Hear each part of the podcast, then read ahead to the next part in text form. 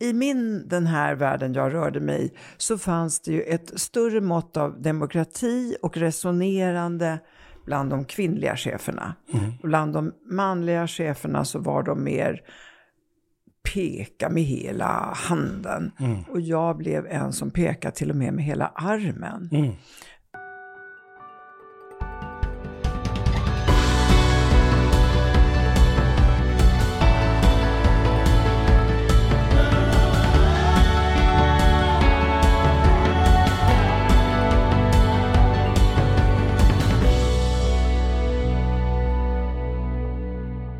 Amelia, eh, vi har ju träffats förut. Och, och, det, och, jag, och det, jag, det, är ju lite roligt, därför att jag vet att jag träffat dig i, i ett sammanhang där du inte har en aning om att vi träffades. Du Nej, berätta. ja, men då, jag, tänker, jag, jag tänker snarare så här. Mm. Eh, eh, om, om du skulle berätta liksom, din resa tills idag och inte berätta det alla känner till, vad skulle du berätta då?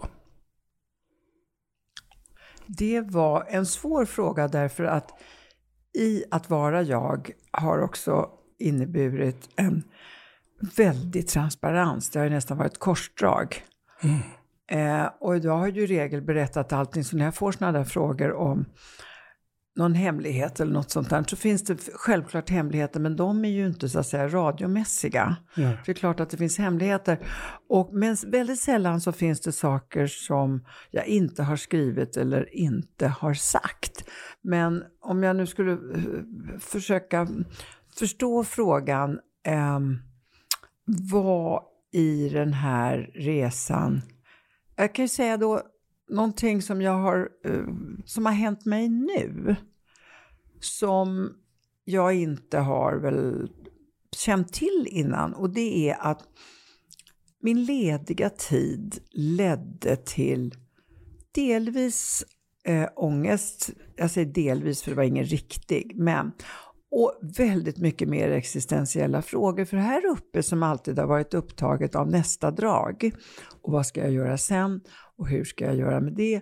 Där liksom arbetet har totalt uh, tagit över skallen. Så, så var det tomt. Mm. Och då fick alla de här livets mening är det det här frågorna plats. Och det trodde jag aldrig om mig för jag har varit en människa som, jag är en problemlösande person som har, jaha nu har jag råkat ut för det här, nu löser jag det, så går jag vidare. Ja. Och så har det inte gått den här gången. Mm. Så det är väl det enda som jag kan säga eh, har eh, både skrämt mig och, och, förvånat mig att jag inte kan hantera det här så bra. Mm.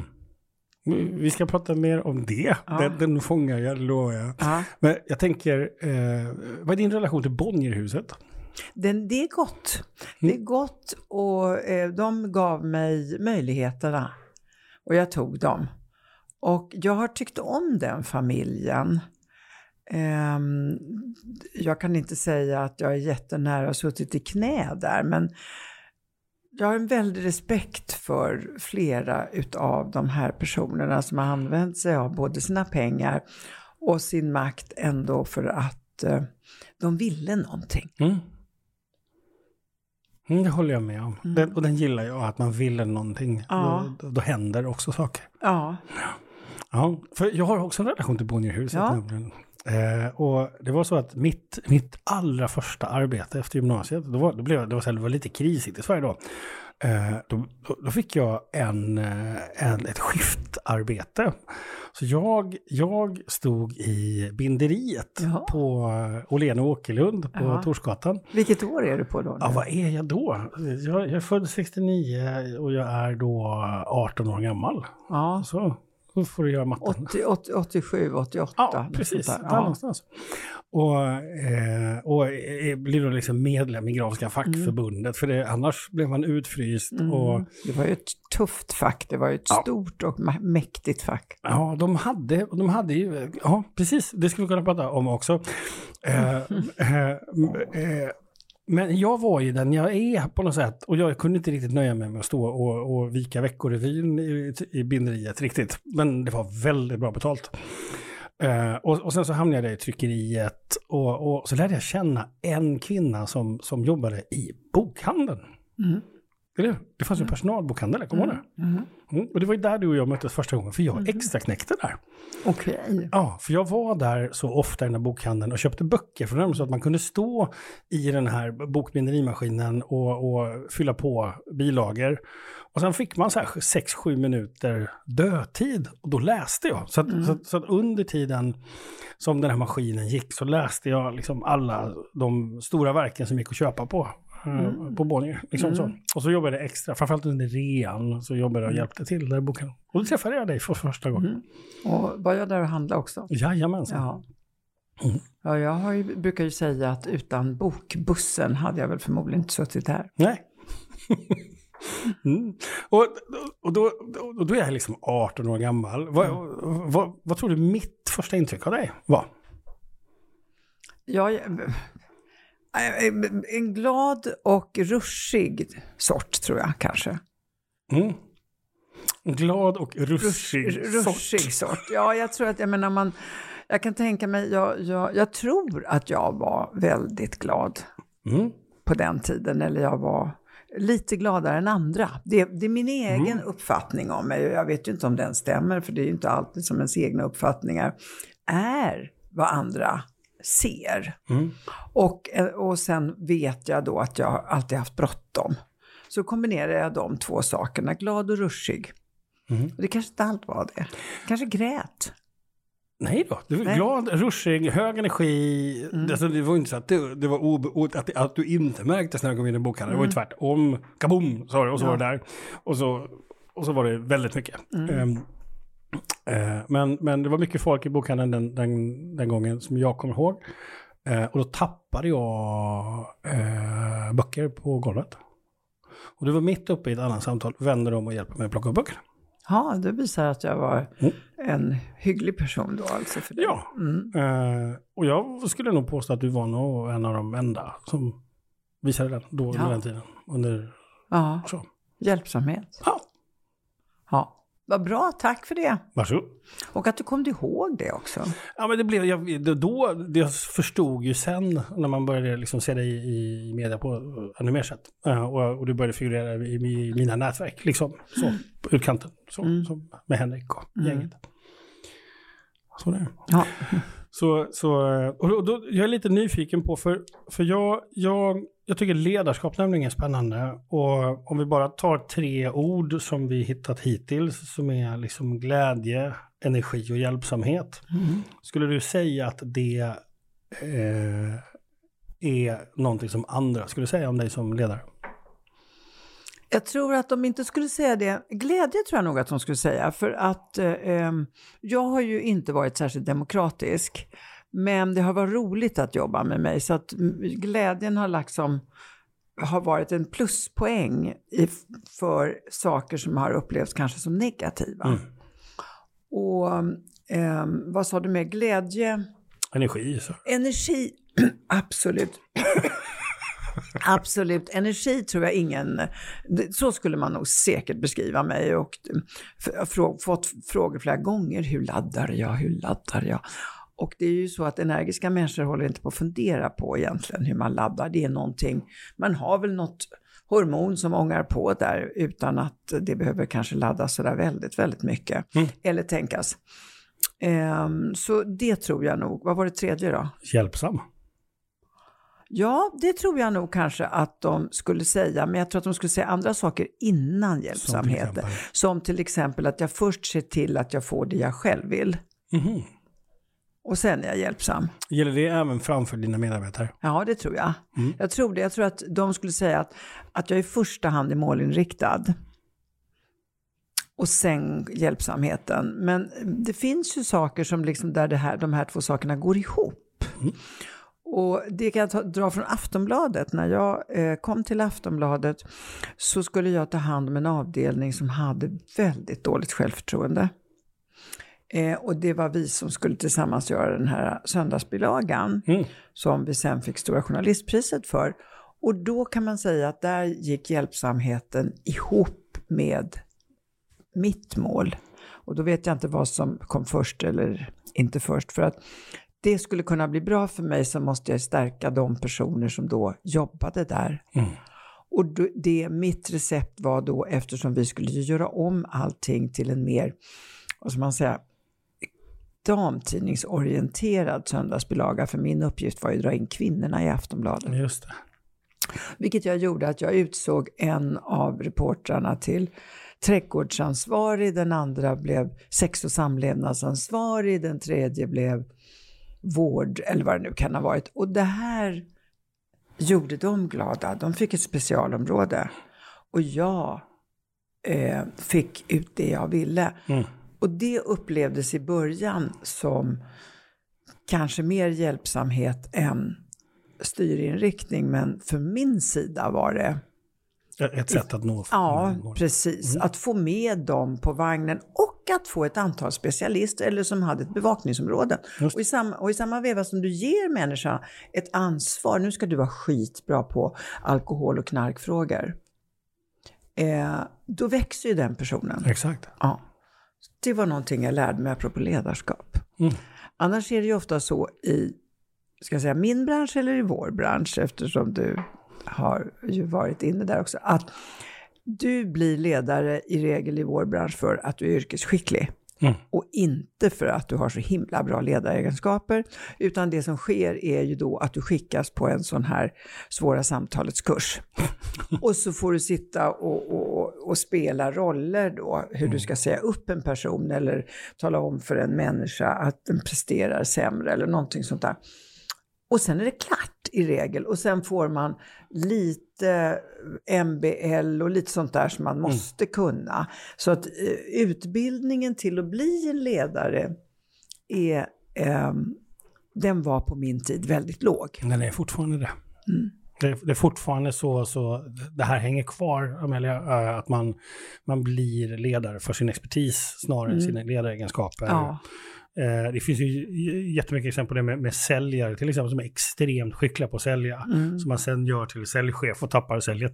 Ja. Eh, i, istället för att, precis som du beskrev, förtydliga ansvaret i rollen. Ja. Så, att, att faktiskt få äga sin roll ännu mer specifikt. Ja. Så, och, och bristen på bristen på liksom att, att utbilda en ledare. Man, om, om, mm. om, man, om man tar en klassisk ny som chef idag mm. så är det, det är lite lagar, det är lite kommunikation, mm. det är lite rollspel, mm. eh, lite vad är, vad är ansvar, vad är mandat? Och sen, sen mm. är det inte så mycket mer. Nej. Jag menar att, att utvecklas som ledare, det är ju en kontinuerlig process. Mm. Så, och det handlar ju otroligt mycket om hur man till exempel som chef och ledare är med sina kollegor. Mm. Istället för att tro att man ska vara det med sina medarbetare. Och, alltså det finns ju en... en, mm. en så, men det här håller på att förändras, hoppas jag. Uh, så, uh, så. Nicke Frankell. Känner jag mycket väl. Eller hur? Ja, ja. Var, var inte han inblandad då uh, när du klev in på söndag? Nej. Han kom efter va? Nej, han fanns där. Han var vackrast ja, på hela Aftonbladet. Eller hur? Ja. Oh, nu kommer, nu kommer Nicke bli glad. och mycket eftertraktad. Mm. Av både män och kvinnor och det var ju innan han hade kommit ut. Mm, jag vet. Och det kan man ju säga så här, för det är ju ingen hemlighet. Nej. Jag tror till och med att han är stolt över. Eh, nej, men jag tänkte på en sak apropå det här med att vara en bra ledare eller inte vara en bra ledare. Eh, när jag var, började på Lena Åkerlund, som det hette då, mm. Bonniers veckotidningar, då var det den gyllene medelmåttans tid. Och de var väldigt trevliga. Men tidningarna gick ju neråt. Mm. Och då, då, blev det något så att man, eh, och då fanns det ju hon som var min idol, Gunni Videll. Hon var ju inte ansåg som varken medelmåtta eller trevlig. Eh, utan hon hade ju stora krav, var besvärlig, eh, lite åt, ja, men hon var väldigt krävande, ibland kan man säga lite åt divahållet. Men vilka resultat hon fick. Mm och hos henne lärde, hon lärde upp mig. Mm. Och hon blev den viktigaste personen i mitt liv där. Och då kunde jag också se att när den gyllene medelmåttan härskade, då var det ju väldigt svårt för de här som stack ut i sin ledarstil, det vill säga deras ledarstil var inte nu, nu samlas vi alla kring en bulla och talar om hur trevligt det är. Eh, så att jag kom under den tiden att tycka ganska illa om det här eh, vänliga medelmåtteriet. Mm. Och kände då att en ledare måste få vara lov att inte alltid vara så förbannat trevlig. Mm. Men det kanske inte du tycker? Jag håller helt med dig till 100 procent. Alltså, um, jag tänker att, jag kommer ihåg jag fick en förfrågan en gång om uh, en, en tv-programsidé. Att, att man skulle nominera en dålig chef och så skulle jag kliva in och coacha den chefen till att bli en bättre chef. Och då, då har jag ju ett svar att, men vänta nu om personalen tycker att chefen är en dålig chef så kanske det är precis den typen av chef som behövs just nu. Mm. Det säger ingenting om kvaliteten på chefen. Mm. Eh, ska man, om, vi, om vi ska ha någon form av utgångspunkt att ledaren ska man alltid tycka om, då är vi farligt ute. Mm. Eh, för då har vi slutat utmana varandra. Mm. Då, vi, då, då, tar vi liksom bara det vi ser för givet. Det blir ingen utveckling av det. Sen kan man göra det på olika sätt. Jag säger inte att man ska vara elak, men jag, jag tror på att man ska vara rak, tuff, ärlig eh, och rätt fram. Men du, vad gör man om man anser att chefen är en dumskalle?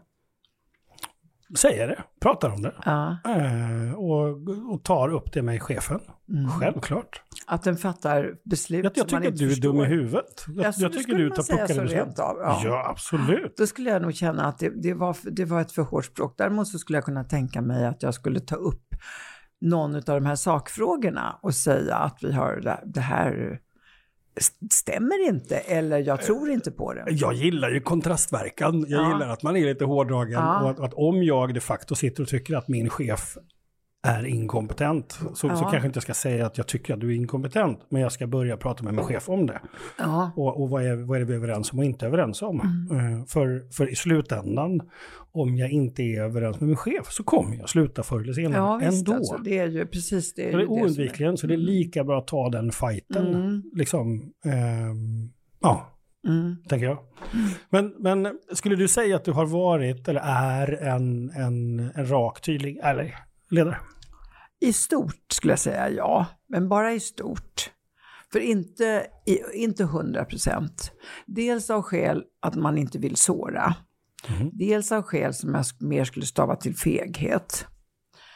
Och, eh, och ibland sånt här uppskjutande och hoppas på att någon annan löser det. Mm. Och om man inte sitter allra överst så finns det alltid en som sitter lite ovanpå en. Mm. Så man kan, i vars knä man kan lägga det för att slippa den här mm. slutliga ärligheten. Mm. Så att jag har nog använt mig av en del eh, sätt för att inte vara fullt så ärlig som jag kanske borde vara. Men jag har varit det, tror jag, i större utsträckning än många andra. Mm. Och eh, det har gått, jag tycker att jag har löst ofta eh, saker så att jag inte har, för att använda det här svenska favorituttrycket, kränkt personen i fråga. Ja, utan att man har kunnat säga att hur vore det om om du skulle kunna tänka dig att göra någonting annat. Mm. Eh, och motivera det på något ändå bra sätt så att man till slut kommer ut, båda parter ändå kommer, kommer ut på ett bra sätt. Jag har inte alltid lyckats, men ganska ofta. Mm. Vad ångrar du? Eh, finns det någonting du ångrar i ditt ledarskap? Som du önskar att du hade gjort annorlunda? Ja, det kan jag säga. Eh, jag ångrar ibland att jag har... Jag läste Bianca Kronlöfs bok som riktar sig till killar i första hand, men också eh, tjejer ska läsa, läsa det. Och där vet jag att jag reagerar. Jag kommer inte ihåg vad boken heter nu, men den är som ett brev. Och den är, kom för inte så länge sedan. Och där beskriver hon hur den här tysta, fega gruppen uppför sig. Och där kunde jag känna igen mig ibland att om man till exempel kommer in i ett lunchrum eller en fikapaus där det sägs då nedsättande saker och alla skrattar. att gå in då, att bryta. Och då säger jag inte att, då är det i första hand kollegor mm. jag talar om då. Mm. Och gå in och bryta och inte hålla med utan att kunna säga, ja men nu eh, byt spår. Det mm. där mm. ställer jag inte upp på. Det kände jag mig träffad av när jag läste den här boken. Mm. Och det så där kan jag tänka nu att det har varit vid några tillfällen där jag ångrat att jag står där och flabbar med. Mm. Eh, och att jag istället borde ha satt ner foten mm. och vågat vara eh, tydligare. Och det har ju kanske inte med chefskap att göra utan det har ju mera kanske med min person att göra för det har ju inte varit så att säga personal då utan då har det varit mera kollegor mm. som håller på och Ja, som påverkar andra medarbetare som ja. en del av en kultur. ja, det är, liksom, det är precis, alltså, nu sa du rätt ord som jag for efter. Det är mera sådana här kulturella grejer där man har känt att eh, man vill vara en i gruppen. Mm. Och för att vara en i gruppen håller man käften. Mm. Det här är jätteintressant. Känner du till en modell som, som kallas för dramamodellen eller Karpmans triangel? Nej. Det kommer från ett terapeutiskt område som heter transaktionsanalys. Och då, då kan man beskriva, eh, man kan beskriva eh, till exempel en grupp i två, i två olika kategorier. Antingen så är gruppen i drama och då finns det en anspänning. Mm. Eller så är gruppen inte i drama. Och, och, och då, då, då, då, blir problem blir konstruktiva, mm. men, men problem blir destruktiva i det andra exemplet. Mm. Och, och en, grupp, en grupp som hamnar där i precis exakt det du beskriver, då, är, då, då finns det alltid tre roller som är aktiva. Det finns alltid någon som tycker synd om sig själv. Det finns alltid någon som man tycker har gjort fel. Och det finns alltid någon som tycker synd om någon annan. Alltså offer, mm, förövare och hjälpare. Ja. Och, och, och, när de här tre, om man då möter de här, den här gruppen av människor som, som sitter och pratar om förövaren och så är de andra tysta och hjälper till genom att inte säga mm, någonting. Ja. Eh, om man själv är tyst så är man med och bidrar till att öka dramat. Det är ju liksom det som är mekaniken i det. Mm.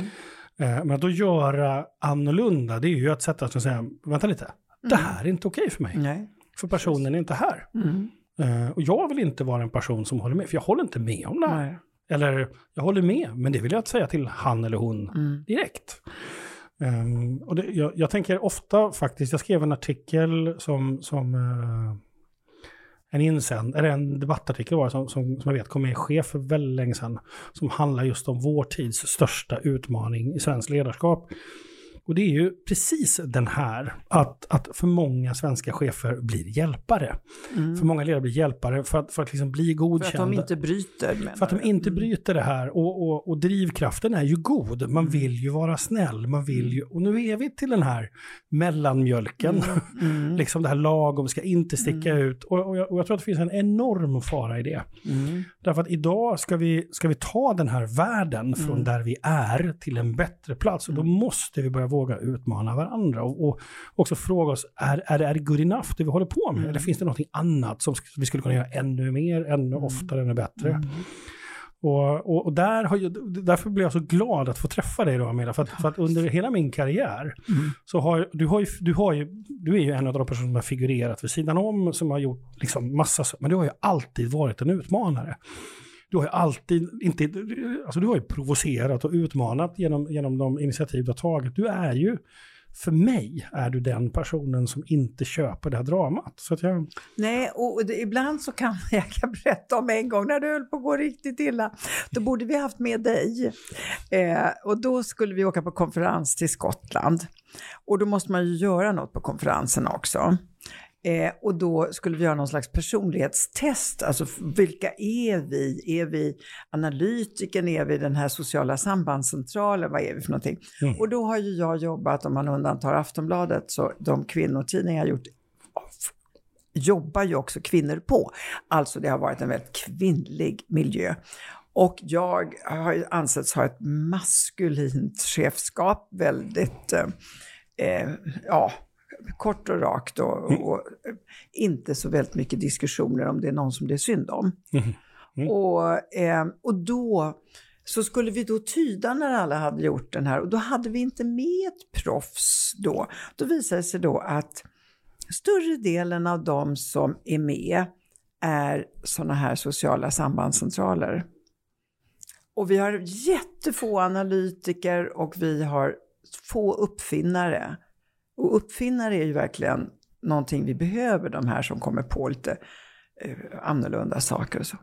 Och när jag skulle då sammanfatta och så, så uttryckte jag mig väldigt olyckligt och så att alla de här sociala samvaro, samspelarna eller vad de hette för någonting kändes ju enormt utpekade. För att jag tyckte att det var liksom en belastning att ha alla de här som bryr sig så mycket om någon ska skilja sig eller vad det nu är. Det var ungefär som gamla tiders receptionister eller växeltelefonister. De har superkoll på allas privatliv. Mm. Och det är ju liksom inte det som är meningen när man jobbar. Utan, ja. Så då kan jag säga att då kantrade det.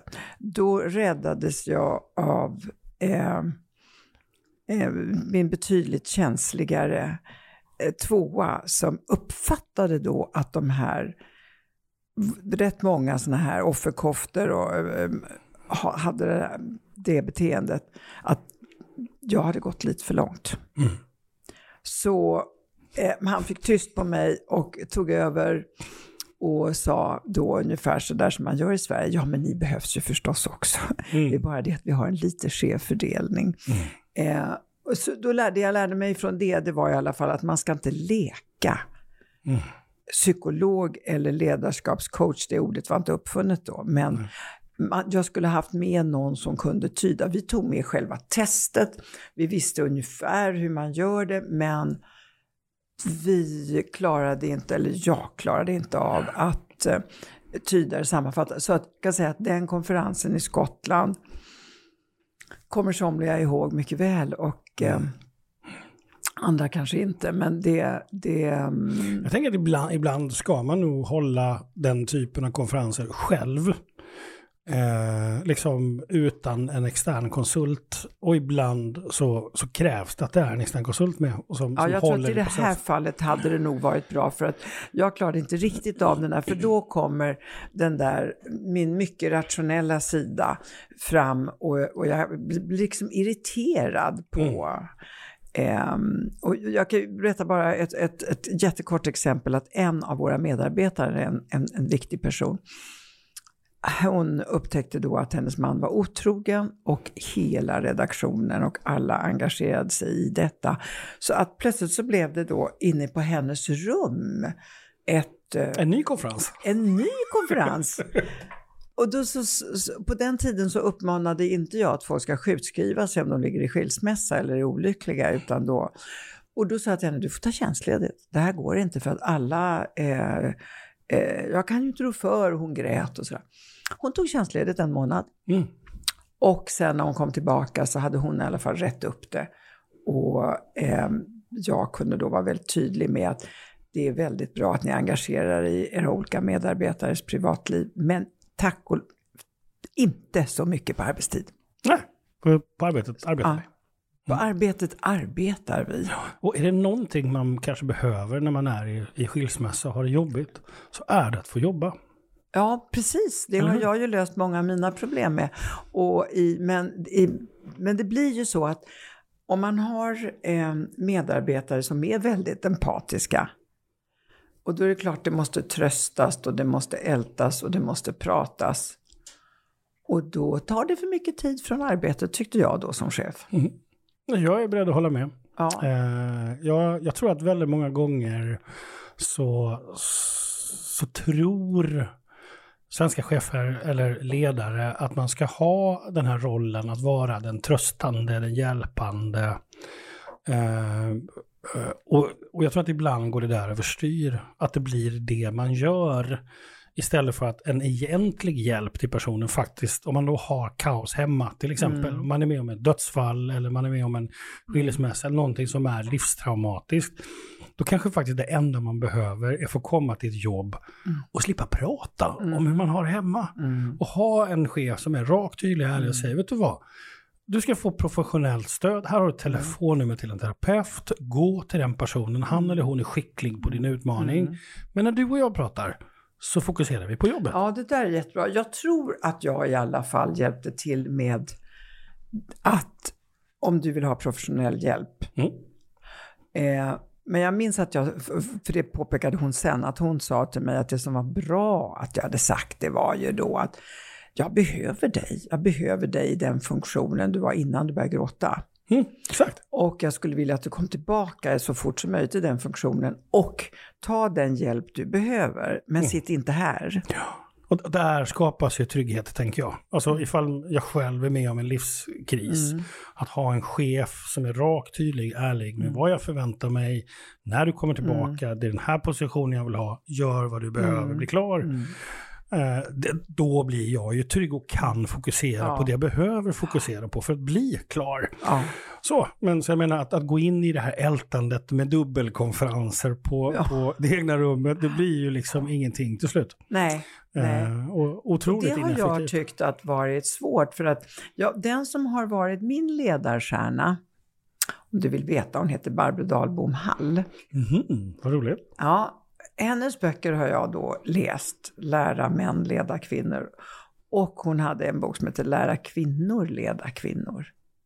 Och hon har ju blivit skälld för att vara både biologistiskt och det och det. Men mig har hon passat utmärkt. Mm. Och de saker hon har beskrivit och hur man kommer till rätta med dem hade jag väldigt stor glädje av. Och idag så vill man ju egentligen inte prata om kön. Men jag har ju tyckt att det har varit en väldig skillnad med att styra män och styra kvinnor. Mhm. Men när jag så småningom kom på vad skillnaderna låg lite grann via henne, då tyckte jag det blev lättare. Mm. Skulle du säga det idag? För jag, du, du sa så här, jag hade ju jag hade mer ett maskulint ledarskap när jag var liksom rakt, tydlig, ärlig. Ja. Skulle du säga det att det är eh, könsrelaterat? Ja, om man säger så här att vi kvinnor har ju härmat män. För att ta oss till de poster där de har härskat så har det ju enklaste sättet har ju varit att bli små män. Eh, och på det viset kan man säga då att då såg jag att den mest framkomliga vägen det var att leverera förstås. Och ehm, ehm, le, eftersom jag var kvinna. Le och leverera. Eh, och då så kunde jag se att i min, den här världen jag rörde mig i, så fanns det ju ett större mått av demokrati och resonerande bland de kvinnliga cheferna. Bland de manliga cheferna så var de mer peka med hela handen. Mm. Och jag blev en som pekade till och med med hela armen. Mm. Eh, det passade mig också bättre. Jag hade lättare för att bli en sån chef. Där kunde jag se könsskillnader. Idag är det ju väldigt känsligt. Och om man ska gå in och säga såna här saker, då måste man kunna argumentera sen, för man får på huden. Mm. Jo. Eh, och, och idag får man ju på huden för allting som skiljer sig åt. Idag kan man ju liksom tro att om man säger någonting om transpersoner så blir man ju väldigt åtgången. Och man får ju en känsla av att halva Sverige består av eh, köns... Eh, eller folk som håller på att fundera på vilket kön har jag egentligen. Och då när man försöker säga men det är ju trots allt en minoritet och nu talar vi om kanske alla de andra också. Då blir man ju väldigt illa åtgången. Så att jag kan säga det här för att eh, förmodligen så de som lyssnar på din podd är kanske mer intresserade av ledarskapen, huruvida jag säger något inte så lämpligt. Jag, tänker, jag tycker den här är väldigt intressant. Jag håller ju, jag håller ju ledarskapsutbildningar eh, och har gjort nu över tio år. Jag utbildar chefer och ledare i, i coachande ledarskap. Och då har vi en övning. Jag, jag kör den här en gång i månaden. Så, att, så att jag har ju hundratals, jag har gjort den här hundratals gånger. Mm. Och varje gång är det samma sak. Är det? Vad, är, vad spännande. Ja, vad är det för något? Då? Eh, och då är det, det, är en, det är en setup där, där det är ett antal stolar i rummet och deltagarna får komma in i rummet. Och då finns det en, en uppgift under varje stol. Och de här stolarna är placerade enligt, en, enligt ett klassiskt eh, organisationsschema, skulle man kunna säga. Med, med en ensam stol längst fram, som då är chefens stol. Och sen så är det medarbetare och staber och liksom, ungefär så. Eh, och, och så går deltagarna in och sätter sig och sen så är det då en tidsbegränsning på du har tre minuter Mm. på dig att lösa uppgiften som du har under din stol. Mm. Kaboom, och så brakar helvetet löst. Och så, och så börjar alla prestera. Eh, det som är intressant det är att i 99 fall av 100 så är det en man som sätter sig längst fram. Mm. Det kan jag tänka mig, det kan jag förstå. ja, Ja. och det kan alltså vara en grupp om 20, Ja. 20 personer där det är 18 kvinnor och två män. Och lik förbannat så är det en man som sätter sig längst fram. Och då, då kan man undra, ställa sig frågan så här, är det här en, eh, är, är det manligt, kvinnligt, har det med det att göra? Och jag, jag börjar få en idé som är att det är det vi är vana vid. Att det är en vana. Punkt. Det har ingenting med kön att göra egentligen. Utan vi är vana vid att, att ha ett visst beteende i en viss, viss av setup. Och, och, och en, en viss typ av kommunikation i hur vi förhåller oss med varandra. Eh, det ska då också vara, ty, alltså, också vara tydlig med att de gånger som det inte har blivit extra tid där gruppen har hamnat i kaos och misslyckats med uppgiften. Det är ju de gånger det har suttit en kvinna längre fram. Ja, och vad tror du det beror på då? Eh, har för kvinnor, eh, eh, eller jag ska väl inte säga man, män eller kvinnor, men de, de, fallen som det har blivit en snabbare lösning, det är när personen längst fram berättar vad han eller hon har på sin lapp. För han eller hon har en annan uppgift. Och det är lösningen till problemet. Det vill säga personen börjar kommunicera. Vi börjar prata med varandra. Och, och, och jag tänker också om man tittar på Uh, nu vet vi ju det att det här med de, de här beteendeanalyserna, du pratade om profil, att man, ja, om man är röd, gul, grön eller blå.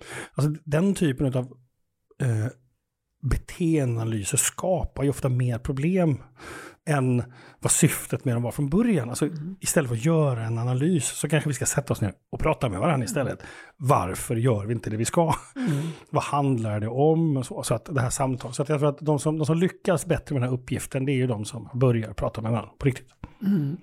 Men du, tillbaka till det här huruvida det är manligt eller kvinnligt, så tror jag också det att det handlar om invanda roller. Och Man vet ungefär, och det måste ju en kille som växer upp, han blir ju eh, mm, skolad i hur han ska vara och vi blir skolade i hur vi ska, med den skillnaden Exakt. att vi ska ta efter män. Mm. Det är ju inte så att du skolas i att ta efter mig. Nej. Men jag blir ju någonstans, jag tar, måste ju ta rygg på er som ligger före. Mm. Eh, och det tror jag ju, kan göra också att den här manliga självbelåtenheten, den, den får på något sätt vara i fred medan vi hela tiden är fostrade till någon slags anpassning. Eftersom det ändå är de manliga villkoren som styr samhället. More or less, kan man inte säga hela tiden. Mm. Genomgående, Ja, men, li, li, men ändå.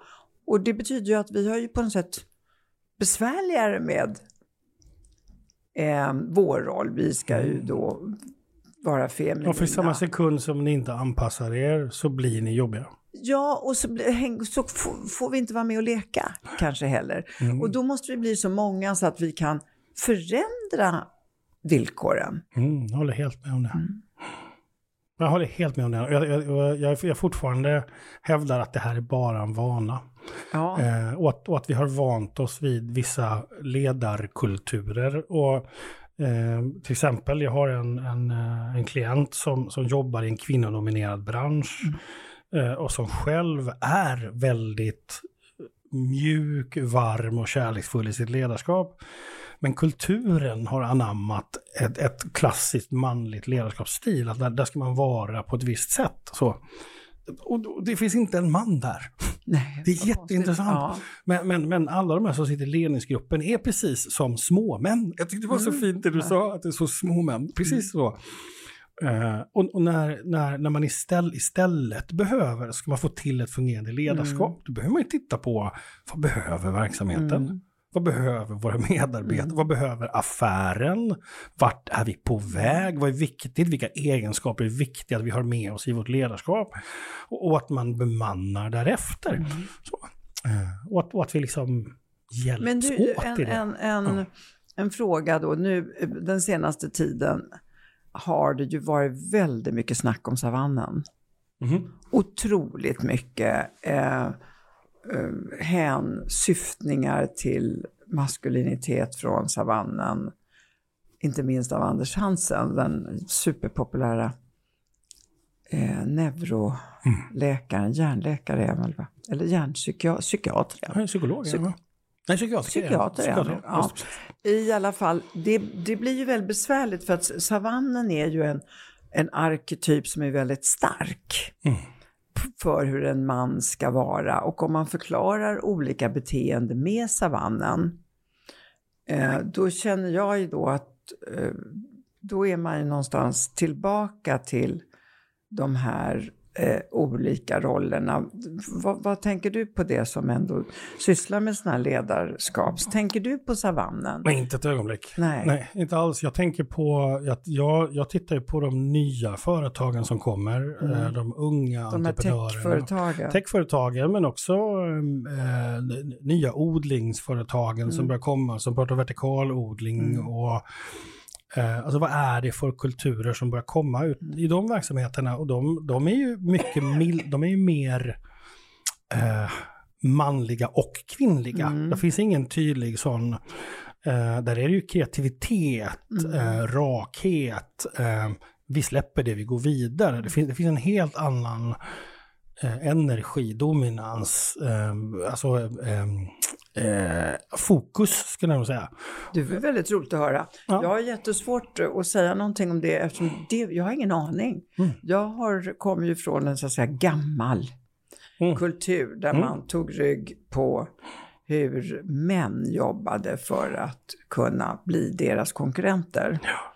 Och det är ju roligt att, att, höra att de här nya unga företagen inte har den där uppdelningen. Det är klart att många har det, men, men, men, men jag tänker det är, inte där, det är inte där effektiviteten kommer, Nej. det är inte där framgången kommer.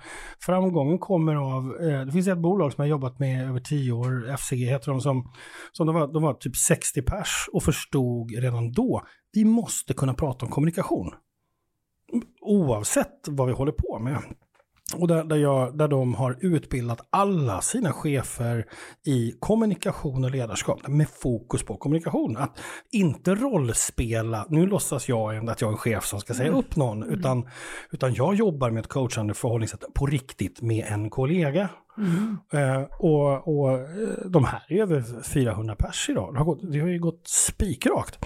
Därför att de konflikter som liksom traditionellt kommer i den typen av bolag har fullständigt uteblivit. De har haft andra problem, man har kunnat hantera dem mm. på, på ett annat sätt. jag tänker att det här, den insikten och förståelsen, den märker jag börjar komma i bolagen. Man pratar inte eh, eh, på samma sätt längre.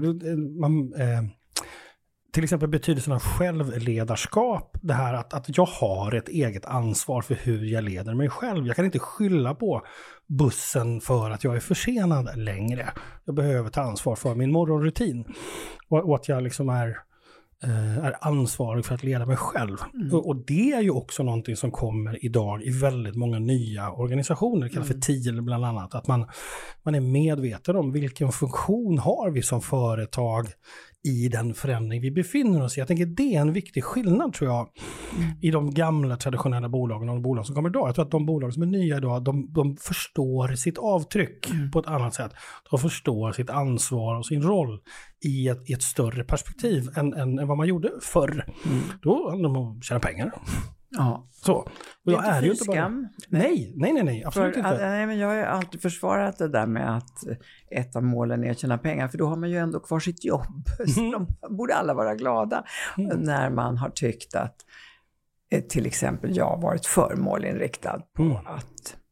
Eh, och då har jag ju tyckt att nej men då kan vi åka på roliga konferensresor. Det var ju då på den tiden man gjorde det. Vi, mm. var, vi har ju varit både i Miami och Beirut. Och, eh, så det, det, var ju, jag menar, när vi tjänade pengar, då stänkte det också på resten. Mm.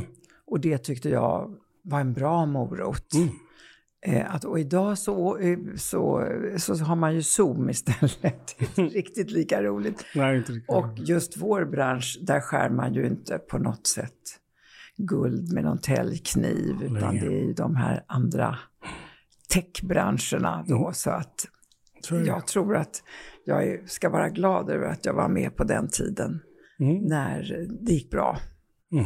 Nu går det bra på andra ja, sätt, på andra, andra sidor. Mm. Och allting går igen. Det kommer tillbaka. Det är Ja. ju så. Jag tänkte din livskris, jag är ju nyfiken på Ja. Amelia. Ja, Livets mening. Vad är livets mening? Vad var det och vad är det nu? Vad är du på väg någonstans? Alltså förut tror jag att det enkla svaret på livets mening var helt enkelt att jag funderade inte på det. Mm. Jag hade familj, jag hade ett roligt jobb och ibland fungerade inte familjen och så eh, eh, bytte man och, och, och sen så kom det kanske en, en, ny del i det här livet. Alltså inte utan smärta, men menar, det var ju ändå det som var livet och inte någon större fundering på vad det egentligen är mitt liv tomt. Mm. Vad ska jag tillföra? Detta kom, jag slutade min anställning när jag var 70. Och då har jag ju jämt funderat på nästa steg och nästa steg och nästa steg. Och det första året var inte så stor skillnad. Det andra året var inte heller så stor skillnad. Men året när jag fyllde 73, Mm. då vet jag inte om det var någonting som kom i fatt eller om det var någonting nytt som dök upp. Men då kom alla de här tankarna. Och jag kunde inte riktigt bli klar över om jag saknade mitt jobb så mycket så att jag inte kunde hitta en plattform utan jobbet. Eller för att jag saknade egentligen inte det här ansvaret. Jag var ju väldigt glad att bli av med det. Eller om det var lite så här rampljusmörker Mm. som jag klev in i. Vem är jag nu när hela min identitet har varit den här chefredaktören för den här 50 plus-tidningen som har varit så framgångsrik. Jag tappade någonstans där, kan man säga, någon slags fotfäste. Och nu håller jag på, det är en process som har varit i över ett år när jag håller på och försöker fundera på, har jag haft en livskris? Vad är det um, egentligen det här handlar om? Detta har då också varit förknippat med hjärtklappning på natten, Mm. oerhört störd sömn, en, ett visst mått mer av eh, tröstalkohol. Det låter som jag ligger uh, uh, stupfull på kvällen. Det är det inte alls, men den här whiskyn som jag förut tog kanske tre gånger i veckan till Aktuellt, den tar jag varje kväll och upplever en ganska skön känsla av det och känner egentligen inte skam. Men när jag sätter ihop de här olika delarna av eh, vart är jag på väg? Mhm. Då ser jag de här delarna och Mm. den delen, den enda så att säga oroande delen i det här, det är ju att det sätter sig på nattens när jag ska ligga still och sova. Och då så har man ju tack och lov sömntabletter, men när de inte riktigt fungerar heller. Mm. Och ehm, då, eh, så då kommer man ju till ett stadium där man börjar tänka så här, jag kanske ska gå i terapi. Mm. Jag kanske, det är kanske någon som ska Mm, hjälpa mig att coaching? sortera. Vad sa du? Eller gå i coaching. Gå i coaching för att bli en, för att bli jag. Mm. Jag har ju alltid tyckt att jag är jag. Jag har ju tyckt att jag eh, har varit lätt på det sättet. Jag har inte gått i terapier, jag har tyckt att jag har gått på min lilla E4 i princip rakt framåt. Och sen eh, det här sista året så eh, har det varit lite mer serpentinväg upp och ner. Och om jag inte kände efter så förbannat mycket så kanske det inte är så stor skillnad mot förr. Men nu har jag ju tid att känna efter, vilket jag inte hade då. Jag tänkte precis säga tänk om det är som det alltid har varit. Ja. Bara det att du nu känner det. Ja, det, det har jag ju faktiskt också funderat på. Mm. Funderat på, är det verkligen någon egentlig skillnad? Mm. Ja, men då tänker jag så här, nej men riktigt såna här eh, nattliga. Och så tänker jag hur det var förut. Och då stämmer ju inte det, därför att jag bodde på en gata i Bromma. Mm. Och så när jag gick upp på natten, då lyste det alltid hemma hos Malou von Sivers. Vi bodde grannar. Och då var klockan i regel tre, halv fyra. Och då skulle hon iväg, för då var ju hon på Nyhetsmorgon. Och, ehm, och då tittade jag på det där ljuset där borta och kände så här, mm. Och det kommer jag så väl ihåg, så därför så stämmer det inte riktigt. Bara det att sömnstörningarna har sett ut på olika vis. Mm.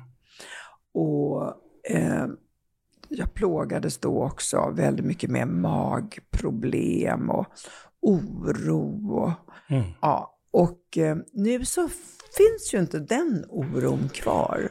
Så, ja, så det är mycket möjligt att det är så att det här doldes förut och i själva verket så är det då den här möjligheten att tänka som inte fanns förut. Om jag tänker så här då. Förr så hade du rollerna, yrkesrollerna. Ja. Tidningarna, sammanhanget, mm. eh, yrket, kompetensen mm. så. Eh, och då var du en person mm. i det. Om du då tar bort det som nu har hänt, mm. vem är det då som står kvar? Blir jag nyfiken på. Vem är Amelia? Oh, ja, det är det jag håller på att brottas med. Jag kan säga att en bra sida mm. av det här är ju att jag har blivit en familjemedlem på ett helt annat sätt. I bästa fall en matriark. Jag har använt mina pengar till att se till att vi gör bra saker, att vi hyr ett hus i, på Sri Lanka, att vi åker på safari alla, allihopa, att vi gör saker tillsammans, att den mm. här familjen som då består av min italienska sambos barn och han har fått ett barnbarn också. Jag har ju fem barnbarn på min sida med mina två söner. Att på något sätt få ihop den här familjen, alla behöver inte gå armkrok och älska varandra, men vi ska träffas, mm. vi ska vara. Det har vuxit upp som en del av en plattform jag inte hade förut. Mm. Så familjen har börjat bli en plattform? Familjen har börjat bli en plattform. Och sen har jag ju då lärt mig också eftersom dels är jag då ordförande i det här som kallas för ensamhetskommissionen, att där vill man inte hamna.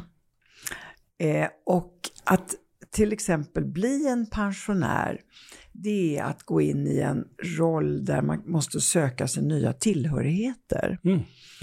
Och då har ju jag en vandringsgrupp, en bokcirkel och sen har jag då kommit fram till att all den fritid som jag jobbade bort, möjligtvis gick jag, eller inte möjligtvis, jag gick på eh, teater och opera och mm. läste och alla de där sakerna. Men det gjorde att jag har inget som jag kan inte spela tennis. Mm. Jag kan inte segla. Jag kan inte spela bridge. Jag kan inte väldigt mycket saker som man gör på sin fritid. Så, så vad är det du kan? Ja, jag tror, jag, jag, jag kan prata. Mm. Jag kan umgås. Mm. Och, men sen så känner jag ju nu, vi, vi har alldeles nyss varit i, på semester, som jag vet inte ens om man kan säga semester när man inte jobbar, men ledigt mm. i, på Zanzibar. Och där var vi, det var helt underbart, men två dagar för länge. Och då tänkte jag just då, men vi, vi spelar ju inte kort. Vi, vi, vi måste ju göra någonting som andra gör. Vad gör andra? Mm. Eh, och nu för tiden motionerar man ju mycket och det, det kan ju vi göra. Mm. Menar, det, men vi, men då, då kan jag känna så här, varken han eller jag har några färdigheter. Mm. Och det har nog, tror jag, att göra en del att vi båda två kommer från arbetarklassen. Vi har inte fått lära oss någonting. Mm. Och kommer man från en invandrarfamilj som inte fiskar eller som inte gör någonting utan kommer hem efter sitt jobb klockan fem lagar mat, tittar på tv och sover. Mm. Och det finns inte tal om att du kanske skulle börja rida eller vad sägs om lite tennislektioner. Det här säger jag liksom inte klagande eller lamenterande. Har... Att det är mera en slags beskrivning, för jag har liksom funderat på hur det kommer sig att jag inte kan någonting. Jag har två frågor i mitt huvud nu. Ja. Uh, den ena frågan det är hur levde din mamma som pensionär? Om hon, hon levde, ja, hon levde verkbruten städerska. Mm. Med eh, ingen som helst nyfikenhet. Jag fick baxa ut henne. Hon hade en kort period av lycka och det var när hon fick vara mormor när barnen var små. Mm. Och sen så var hon en, en mycket bra barnvakt. Men hon hade ett mycket traditionellt italienskt liv med en man hon inte tyckte om heller, men nu var de ju gifta enligt. Så att eh, jag kan säga från första stund när jag började bo med dem igen, då var jag 11 år, så var jag helt på det klara med att deras liv vill jag inte ha. Och det har fortsatt. Mm. Hon är död nu. Mm. En mycket älskad och på sitt sätt underbar mamma, men ingen förebild i något annat som inte är så dumt faktiskt, än kärlek. För det var hon duktig på. Mm. Mm. Och, och, och, där finns det massa saker du sa som jag skulle vilja prata mer om. Det räcker ja. inte den här tiden. Nej, det gör inte det. Men, och sen så min andra fråga är, vad behöver Amelia för att vara Amelia? Jag tror att jag skulle behöva få lite må lite bättre, vara lite gladare. Jag har en, en, en känsla av att jag var gladare. Eh, sen vet jag inte, vad är ålder också? Mm. Och vad är, vad är naturligt? För att jag menar sådär fruktansvärt kul är det inte att åldras, även om jag oavbrutet trumpetar att 70 är nya 50. Eh, så eh, är det en, och jag kan inte riktigt särskilja, det här är en del av att åldras. Mm. Att jag står lite närmare graven mm. än vad jag gjorde för tio år sedan. Att det kanske är en förklaring som räcker fuller väl, det vet jag inte. Men mm. om, jag ska, om jag ska fråga mig så skulle jag säga då att ja, jag skulle vilja bli lite gladare och jag vet inte hur. Det är en coachbeställning det. Ja, det kanske det är. Ja. Det är verkligen en coachbeställning. Jag, jag, jag, kan inte låta bli att tänka på en man som hette Henry, som du säkert har hört talas om, när Mark Levengood ärvde en kåk ute i Saltsjöbaden. Ja, gud ja. Träffade du henne någon gång? Jag träffade aldrig, men jag har varit i kåken. Ja, jag är en av de tre som tog hand om Henry. Jaha. Precis. Och, och jag, jag, jag, jag var ju den som låg i Henrys säng eh, när han vågade erkänna för sig själv mm. att jag kommer att dö. Ja. Var, han cancersjuk? Ja, var det, var prostatacancer var det. Var det prostatacancer? Mm. Ja. Eh, och eh, det här var ju ganska exakt 15 år sedan. Ja. Eh, 05. Eh, ja. 31 januari 05. Eh, och, och eh, det, det, finns någonting i att förstå sitt slut och sin början. Mm och var man är någonstans mm. i det. Mm. Så det finns någonting väldigt vackert i det. Mm. Och, att, och att, att, att, lyssna på det. Ja, och det är väl kanske det jag eh, centrifugerar nu på något sätt, alltså som körs runt. Och idag efter eh, vi har avslutat det här så ska jag faktiskt ta en promenad med en person som har befunnit sig i den här situationen och som gick in i ett ganska rejält mörker mm. när hon hoppade av. Eller hoppade gjorde hon inte, med, utan hon, uh, ja, andra och bestämde väl att hon inte skulle vara kvar. Och uh, för att se för att lära mig lite av hennes process. Mm. Och sen gick det jättebra, men det var några mörka år. Mm. Så att jag, man är, jag har inte varit i den här situationen och då är det ju ofta så att då vill man kanske söka upp någon och fråga. Så när, apropå du säger det här ämne för en, en coach. Jag är mer, lite mer förvånad nu för att jag har nämligen väldigt sällan sysslat med min själ. Kanske dags. Ja, det är väl det. Det är väl det. Amelia, det det. fantastiskt tack att du är här. Vad, vad tar du med dig av den här stunden med mig? Jag tror att jag tar med mig flera saker, men kanske allra mest det här som du sa på slutet, allting har en början och ett slut. Och sen eh, det här med